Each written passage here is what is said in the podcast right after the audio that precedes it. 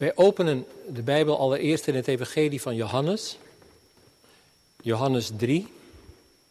De ontmoeting van Jezus met Nicodemus. En daarna lezen we nog een kort gedeelte uit Romeinen 8. Maar nu eerst Johannes 3 vanaf vers 1. Er was een mens uit de Fariseeën, zijn naam was Nicodemus, een leider van de Joden. Deze kwam s'nachts naar Jezus en zei tegen hem: Rabbi, wij weten dat u van God gekomen bent als leraar, want niemand kan deze tekenen doen die u doet, als God niet met hem is. Jezus antwoordde en zei tegen hem: Voorwaar, voorwaar, ik zeg u, als iemand niet opnieuw geboren wordt, kan hij het koninkrijk van God niet zien. Nicodemus zei tegen hem: Hoe kan een mens geboren worden als hij oud is? Hij kan toch niet voor de tweede keer in de schoot van zijn moeder ingaan en geboren worden? Jezus antwoordde: Voorwaar, voorwaar, ik zeg u, als iemand niet geboren wordt uit water en geest, kan hij het koninkrijk van God niet binnengaan. Want wat uit de geest geboren is, is vlees. Wat uit de vlees geboren is, is vlees. En wat uit de geest geboren is, is geest. Verwonder u niet dat ik tegen u gezegd heb: U moet opnieuw geboren worden. De wind waait waarheen hij wil, en u hoort zijn geluid, maar u weet niet waar hij vandaan komt en waar hij heen gaat. Zo is het met iedereen die uit de geest geboren is. Nicodemus antwoordde en zei tegen hem: Hoe kunnen deze dingen gebeuren? Jezus antwoordde en zei tegen hem: Bent u de leraar van Israël en weet u deze dingen niet? Voorwaar, voorwaar, ik zeg u, wij spreken over wat we weten en getuigen van wat wij gezien hebben. En toch neemt u ons getuigenis niet aan. Als ik aardse dingen tegen u zei en u niet gelooft, hoe zult u geloven als ik hemelse dingen tegen u zeg? Niemand is opgevaren naar de hemel dan hij die uit de hemel neergedaald is, namelijk de zoon des mensen, die in de hemel is. En zoals Mozes de slang in de woestijn verhoogd heeft, zo moet de zoon des mensen verhoogd worden. Opdat ieder die in hem gelooft niet verloren gaat, maar eeuwig leven heeft. Want zo lief heeft God de wereld gehad, dat hij zijn enige geboren zoon gegeven heeft, opdat ieder die in hem gelooft niet verloren gaat, maar eeuwig leven heeft. Want God heeft zijn zoon niet in de wereld gezonden opdat hij de wereld zou veroordelen, maar opdat de wereld door hem behouden zou worden. Wie in hem gelooft, die wordt niet veroordeeld. Maar wie niet gelooft, die is al veroordeeld, omdat hij niet geloofd heeft in de naam van de enige geboren zoon van God. En dit is het oordeel dat het licht in de wereld gekomen is. En de mensen hebben de duisternis lief gehad, meer dan het licht. Want hun werken waren slecht. Want ieder die kwaad doet, die haat het licht en komt niet tot het licht, opdat zijn werken niet ontmaskerd worden. Maar wie de waarheid doet, komt tot het licht, opdat van zijn werken openbaar wordt dat zij in God gedaan zijn. En dan lezen we nog enkele versen uit Romeinen 8. Romeinen 8, vers 18 tot en met 21.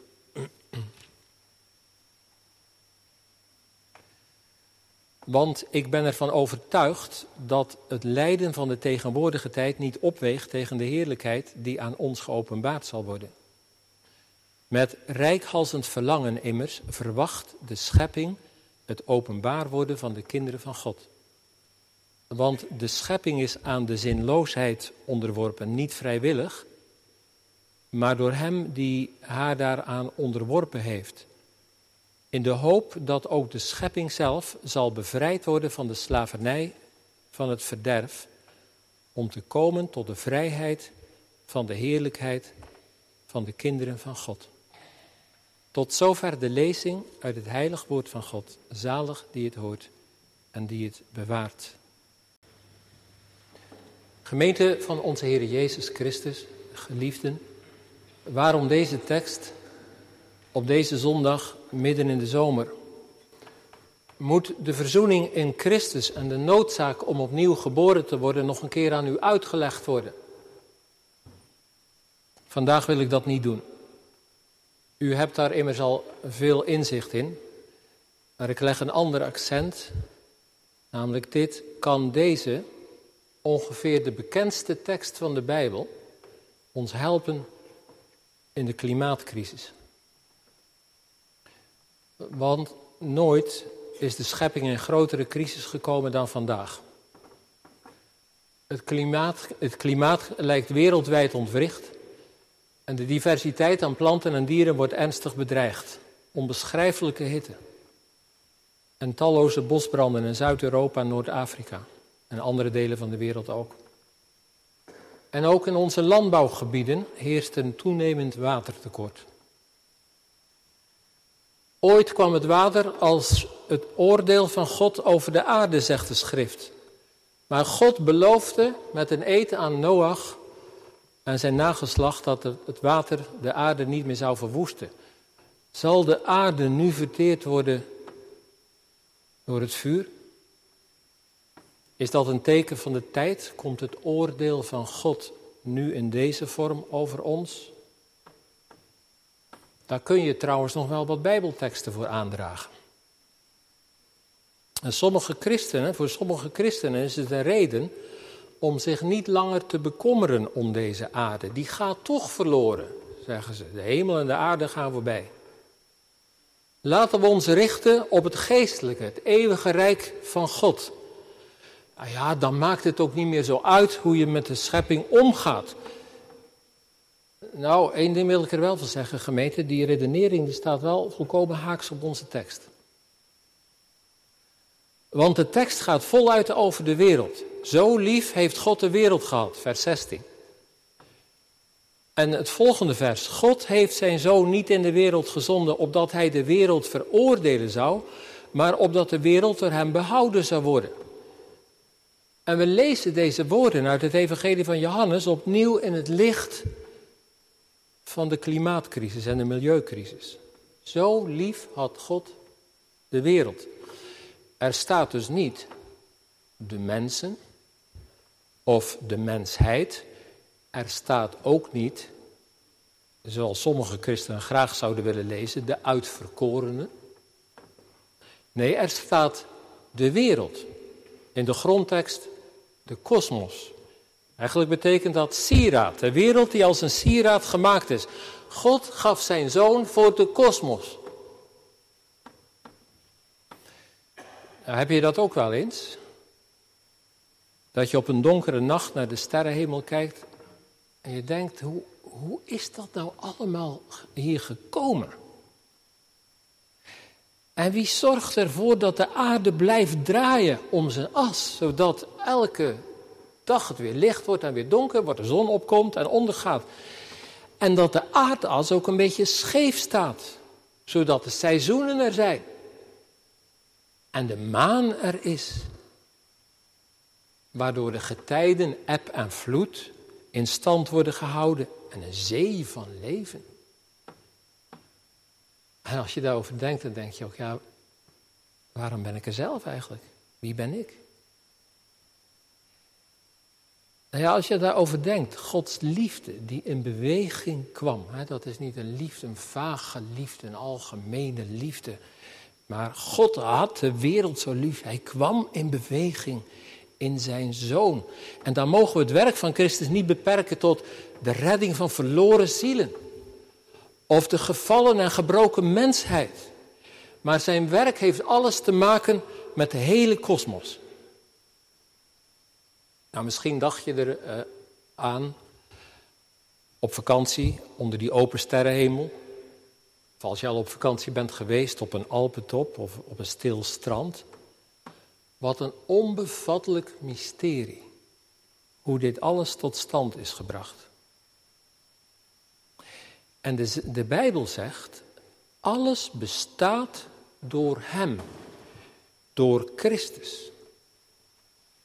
Er is dus een diepe band tussen Christus en de kosmos. En die band is er van alle tijden. Hij is de eerstgeborene van de hele schepping. En door hem, door het woord, heeft God, hebben wijze van spreken, alle atomen en krachten van het heelal geroepen. En die chaotische, ongevormde oervloed tot een kosmos gemaakt. En hij draagt alles door het woord van zijn kracht. Zijn woord is het leven en het leven was het licht van de mensen. Dat is het begin van het evangelie van Johannes. En waarom was het woord niet genoeg? Waarom was spreken niet genoeg? Maar moest hij ook komen? Nou, dat is de, de inzet, de essentie van de tekst hier. Om dat te begrijpen, gemeente, moeten we dieper graven in het evangelie. Want het evangelie confronteert ons niet alleen met de pijnlijke ontwrichting in de kosmos, en die gaat veel dieper dan we dachten. Er is geen reden om te denken, nou ja, komt toch nog een keer goed. Nee, het komt niet zomaar goed. Dat zegt het evangelie ook. Maar het evangelie geeft ons een gegronde, ook een gegronde reden voor hoop. Veel fundamenteler en zekerder dan we ooit voor mogelijk hielden. En dat heeft er alles mee te maken dat het woord, dat het leven is en het licht van de wereld niet alleen gesproken is, maar dat het ook gekomen is. En in de woorden van een Johannes 3, gegeven, gezonden in de wereld. Christus, die als enige geboren de meest intieme band met de Vader en met de Schepper heeft. Die heeft ook als eerstgeborene de meest intieme band met de schepping. Met alles wat er is. Nou, dat moeten we ons eerst realiseren. De band van Christus met de schepping. En die schepping is in nood. En dat is niet van de laatste twintig jaar. Dat, dat weet u natuurlijk wel. De noodkreet wordt wel in rap tempo luider. Maar de apostel Paulus in Romeinen 8 schreef al over het pijnlijke zuchten van de kosmos. En hij noemt er ook de oorzaak bij. Want hij zegt, de schepping is aan de slavernij van het verderf onderworpen. Dat zijn heftige woorden. De slavernij van het verderf. Nou, slavernij, er is heel wat over te doen geweest in het afgelopen jaar en de afgelopen tijd. Slavernij is ontmenselijking. Het pijnlijke dat een mens, een kostbaar mens, als een economisch middel, als gebruiksvoorwerp wordt uitgebuit om winst te maken, om rijk te worden. En vergis je niet, gemeente, dat is nog aan de orde van de dag hoor. Uitbuiting van jonge vrouwen die de prostitutie ingelokt worden of van buitenlandse arbeidskrachten in de voedselindustrie. Die werken onder beroerde omstandigheden, wonen onder slechte omstandigheden. En daar zie je het misvormde gelaat van de aarde. Zo is ook de schepping in de boeien geslagen van de menselijke begeerte, vernederd, uitgebuit, zegt de apostel.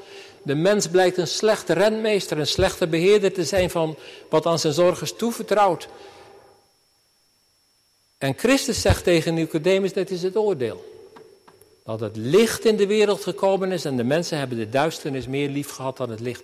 Want hun werken waren slecht. Leest u maar in vers 19 en 20 van hoofdstuk 3. Maar eerlijk gezegd, dat horen we niet zo graag. Dat horen we liever niet. Liever hoor je, de meeste mensen deugen.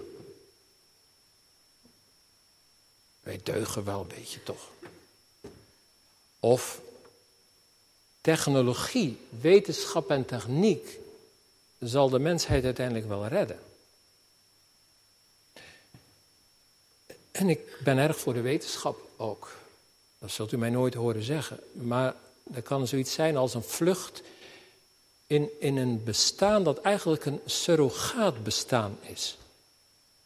Het is niet het leven zoals God het bedoeld heeft. Dat wij er met z'n allen van gemaakt hebben. Iemand zei de afgelopen week, was, zei dat in een interview in de krant, dat we bezig zijn een toneelstuk op te voeren op een zinkend schip. Zoiets. Ik heb de afgelopen week gemeente daar heel veel over zitten denken. Ja, de preek is eigenlijk een soort, uh, nou ja, een reflectie, ook een beetje een innerlijke nood, dat pijnlijke zuchten van de schepping. Alleen al die foto van de Griekse brandweerman met twee konijnen en een kat in zijn armen, gered uit het vuur. Dat doet mij heel veel. En dan al die mensen en dieren die niet meer konden ontkomen. Die zijn er ook vele geweest. Daar kun je niet overheen. Ik heb daarmee geworsteld ook en heel vaak doe ik dat. En de preek is een, ja, die, die moest daarom ook daarover gaan. Maar als Christus het hoofd is van de schepping, als alles er is door Hem, dan leidt Hij ook in het werk van zijn handen. Dan zie je in de brandende bomen zijn leidend gelaat. Het gelaat dat wij zo geschonden hebben. En je voelt je machteloos en gedeprimeerd. Maar zou hier niet de inkeer en ook de omkeer kunnen beginnen, gemeente? Terugkeer naar werkelijk leven. Dat we het zo mogen zien. Ik vond dat ook wel ja, genade. Ik vond dat ook wel een bevrijding. Dat je niet alleen die leidende schepping ziet, maar dat je Christus ziet. In zijn verwonde kosmos. Het gelaat van hem ziet. En dan gaat het ook verder. Want wat Nicodemus nog niet wist en kon geloven, dat is ons al lang verkondigd. Bijna elke zondag. Dat Christus is opgestaan uit de dood. Dat hij leeft en regeert aan de rechterhand van de Vader. En daar is de apostel Paulus vol van. Als hij schrijft over het kreunen van de schepping. Het zuchten is niet zonder hoop. Er is een rijkhalzend verlangen om te delen in de opstanding. Christus is de eerste. En het is nog een diep geheim wie Gods kinderen zijn en hoe dat nieuwe leven eruit ziet. Dat leven dat is nog verborgen met Christus in God, maar dat komt een keer aan het licht. Als we oog in oog staan met de geliefde en Hem zullen kennen door wie we gekend zijn. En dan zullen we ook onszelf kennen. Dan, dan zullen we ook helemaal transparant zijn voor onszelf. En onszelf ook mogen liefhebben. Zoals God ons heeft liefgehad. Nou, dat moment, oog in oog met de geliefde. Maar daar wacht de schepping op. Met rijkhalsend verlangen. Want dan zal zij ook delen in de opstanding van Christus. Dan zal het werk van de geest haar ook voluit raken. Dan zal ze het gezicht van haar schepper, haar geliefde zien, dan, dan zal zijn vreugde in haar resoneren. En gemeente, iets daarvan wordt toch ook al realiteit vandaag. Als mensen God de Heer lief krijgen met heel hun hart. En dan kan het niet anders, dan ga je ook van zijn schepping houden. En dan ga je er ook voor inzetten, het welzijn van mens en dier.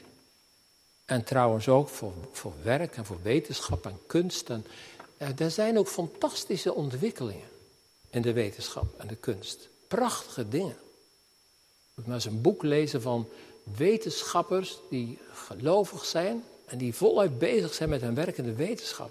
heel prachtig om, om, om, om te lezen. Een vreugde dat ook is. Of gewoon ook het handwerk. Zoals de Friese fietsenmaker zei: Ik ben onderweg naar het koninkrijk van God en onderweg repareer ik fietsen. Dan krijg je dagelijks werk heel veel inhoud en betekenis. Door hem die leeft en regeert en die komt. Daar wacht de schepping op, tot die volheid daarvan, die volle rijkdom. Maar nu even terug, gemeente, waar brengt de kosmische crisis ons? Wat doet het met, met jou, met u, met mij? Maakt het ons cynisch, apathisch, dodelijk ongerust? Of brengt het je misschien tot wanhopig activisme op alles, om alles op alles te zetten en te redden wat er te redden valt? Nou, laten we terugkeren naar de woorden van Jezus. Jezus zegt tegen Nicodemus dat wij het koninkrijk van God niet zullen zien tenzij ons iets wordt gegeven waarover wij geen macht hebben. Dat is het geschenk van een nieuwe geboorte, een nieuw leven. En Jezus verbindt dat met het werk van de geest. Want het is alleen de Heilige Geest die de eeuwige vreugde en de kracht van Christus in ons kan brengen. En dan gaat het om de hemelse dingen die Nicodemus niet begrijpt en die hij ook niet kan geloven. Kijk maar in vers 12. Het werk van de geest is een mysterie. Je weet niet hoe het gebeurt, maar het leven dat hij voortbrengt is onmiskenbaar. En dat is het verlangen van de geest. En die geest die werkt zo verschillend. Laat ik daar een paar voorbeelden, zoals ik dat in de pastorale praktijk wel ben tegengekomen, maar u zou het kunnen aanvullen. We zouden vanmorgen met heel de gemeente gesprek kunnen hebben over het werk van de geest. Soms werkt hij al van jongs af aan, als een stille stem. Die een kind als het opgroeit liefde en ontzag voor haar schepper geeft. Maar daar is een jong stel. En die hebben alles bereikt wat er mogelijk is als het gaat om verdienen, een carrière opbouwen, aan vrienden, een gezin, een mooi huis. En dan komen ze stil te staan met de vraag: is dit het leven nu? Is dit alles?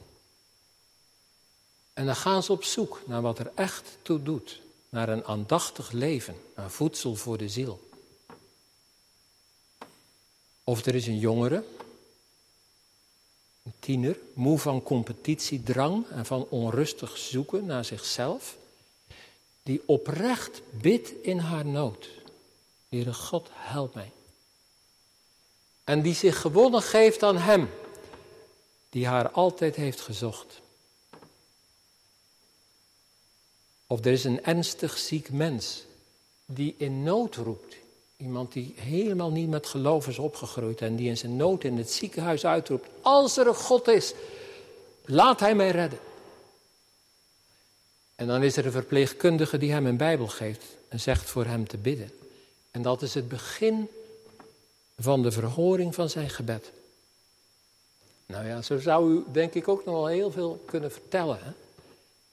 En laten we dat vooral ook doen. Dat, dat werk van de geest dat zo bijzonder en zo divers is. Maar wat moeten wij dan doen? De fariseer Nicodemus kende geen mondiale klimaat- of milieucrisis. Maar vergeet niet dat het crisisbesef in zijn tijd misschien wel net zo groot was als nu. Want fariseërs, die zagen hartstochtelijk uit naar de komst van de Messias en van zijn vrederijk. En zij hoopten de komst van de Messias te bespoedigen door zo goed mogelijk te leven volgens de richtlijnen van de wet. Dat was hun antwoord. In zekere zin het antwoord van de activisten. Een gemeente laten we hen niet veroordelen. Zo makkelijk, hè? Om de fariseeërs of de activisten of wie dan ook te veroordelen. Maar wat Christus allereerst vraagt, en daar begint hij meteen mee naar Nicodemus toe. Dat is overgave. Loslaten wat wij willen beheersen. Aan Hem geven onze pijn, onze zorg, onze schuld, onze onmacht. En gemeente, daar is het echt voor nodig dat we de stilte zoeken. En daar is echt voor nodig een eerlijk en oprecht gebed om hulp. Omdat we voelen dat het niet langer zo kan. De nood is misschien ons nog niet helemaal aangezegd. Het is nog te ver van ons bed. Maar de Heer moet iets nieuws in ons doen, in ons werken. En daarvoor moeten we wel tot de inkeer komen. En het komt er niet van als we maar doorhollen. Kijk maar naar Israël. Dat zegt, Nicodemus, dat zegt Jezus ook tegen Nicodemus. Als Nicodemus het niet begrijpt wat de wedergeboorte is, wat dat heeft te maken met het geloven, met het vertrouwen, dan zegt hij Nicodemus, denk eens aan die geschiedenis in de woestijn, die crisis, omdat de Israëlieten ook maar doorholden. Ze bleven maar doorholden, wilden steeds meer. Dat dagelijkse brood, dat mannen, dat wilden ze niet meer. Dat kwam hun neus uit. We walgen van dat zeer lichte voedsel, zeiden ze. En toen kwamen de gifslaan. Die bedreigden hun leven. En waarom moest Mozes een koperen slang maken? Heb je daar wel eens over gedacht? Waarom moest Mozes nou een, een, slang maken en daar op een staak steken? Waarom moesten ze daar naar kijken? Nou, die slang, dat was hun crisis. Dat was hun schuld, dat was hun oordeel. En het zien op die slang, dat betekende eigenlijk inkeer. Erkenning van de schuld. En ook geloof in Gods redding. En die slang, dat zegt ons het Evangelie van Johannes, dat is het beeld van Christus. Die het oordeel draagt als de geslagene en de verwonden. En hij is het middel tot genezing van heel zijn schepping. Zie op hem. Nou was corona misschien zo'n gifslang die ons hart gebeten heeft. Of is het vandaag de epidemie van hart- en vaatziekten? Of zijn het toch de wereldwijde branden door een ontwricht klimaat? Omdat begeerte ons dreef. Gemeente, we moeten de geestelijke betekenis daarvan onder ogen zien. Van wat er gebeurt in de wereld. Ik denk dat velen van u het boek van Tolkien wel kennen in de bang van, van, van de ring. En dat verschillende van u ook wel de film hebben gezien. En daar is een episode in dat de bomen wraak nemen. Ze komen in opstand. Hun wortels worden voeten en ze trekken op tegen de kwade vorst Saruman, die in, onderaardse, in een onderaardse fabriek wapentuig smeekt en, en een verwoestend leger uit de grond stampt en alle bomen daaraan opoffert. En de natuur slaat terug. Dat is een machtig deel uit, uit, uit het boek ook. Maar de tekst, onze tekst, geeft ons een scherper inzicht. Dat de schepping niet deel wordt van een opstand. Maar zou ook nog wel kunnen, dat gebeurt ook wel. Maar dat de schepping deel wordt van de opstanding. Niet van de opstand, maar van de opstanding. En Johannes 3, vers 16, 16 zegt: God heeft zijn zoon gegeven opdat de wereld door hem behouden zou worden. En hij, door wie alle dingen zijn en die alle dingen heeft gemaakt, die werd helemaal tastbaar deel van zijn schepping. En hij droeg haar last als het lam dat de zonde der wereld wegdraagt.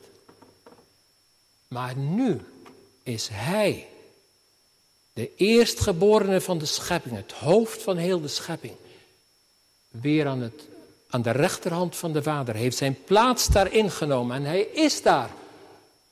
Hij leeft en regeert, maar hij is daar als de verwonde. Hij heeft de littekens in zijn lichaam meegenomen. De schuld en de pijn van een geknecht volk, het lijden van de schepping. En gemeente, je kunt het niet zien. Je ziet het niet in de natuur, dat leer je alleen in de kerk. Dat zie je hier. Dat mag je geloven hier. En als hij die tekens niet droeg als de opgestane, dan zou hij ons verwonde hart en dan zou hij zijn verwonde schepping niet kunnen troosten. Kent u dat verhaal van dat meisje? Ik heb het misschien ooit wel eens verteld tegen u. Dat meisje dat, dat naar haar moeders handen keek en die waren eigenlijk wel heel lelijk met allemaal vlekken op. En dat meisje zei een keer tegen haar moeder: Moeder, wat hebt u toch lelijke handen? En haar moeder zei: Kijk, dat wil ik je nu eens vertellen. Want nu ben je groot genoeg om dat te begrijpen. Toen je nog heel klein was, in je wieg lag, toen brak er brand uit in ons huis. En ik heb je gered. Terwijl het vuur mijn handen verschroeide. En daarom zijn mijn handen zo lelijk geworden. En toen zei het meisje: Moeder, wat hebt u mooie handen? Kijk, daar staat Christus. Aan de rechterhand van de Vader. Met de littekens in zijn handen en zijn voeten. En dat is de troost. En daarom zal het nog een keer goed komen. En daarom mag je met moed bezig zijn. En gemeente, hoe zullen we dan bezig zijn? Op aarde waakte Christus midden in de natuur. En bad hij om het behoud van het werk van zijn handen. En leed hij. En nu hij is opgevaren naar de Vader, nu, nu is de gemeente geroepen om te wachten en te waken en te werken op aarde. Plaatsvervangend in zijn naam. Niet cynisch, Niet hopeloos activistisch, niet vol kritiek, maar vol liefde, met liefde voor Hem, de verwonde, die alle macht heeft in de hemel en op de aarde. En die komt om recht te doen aan zijn schepping. En reken maar, gemeente, reken maar dat die liefde en dat ontzag onze dagelijkse keuzes zullen bepalen. En ik vertrouw erop dat ieder van u voor zichzelf weet wat die goede keuzes zijn vandaag. Uit liefde voor Hem. En dan zullen we met heel zijn schepping Hem eren en wachten op zijn komst. Amen.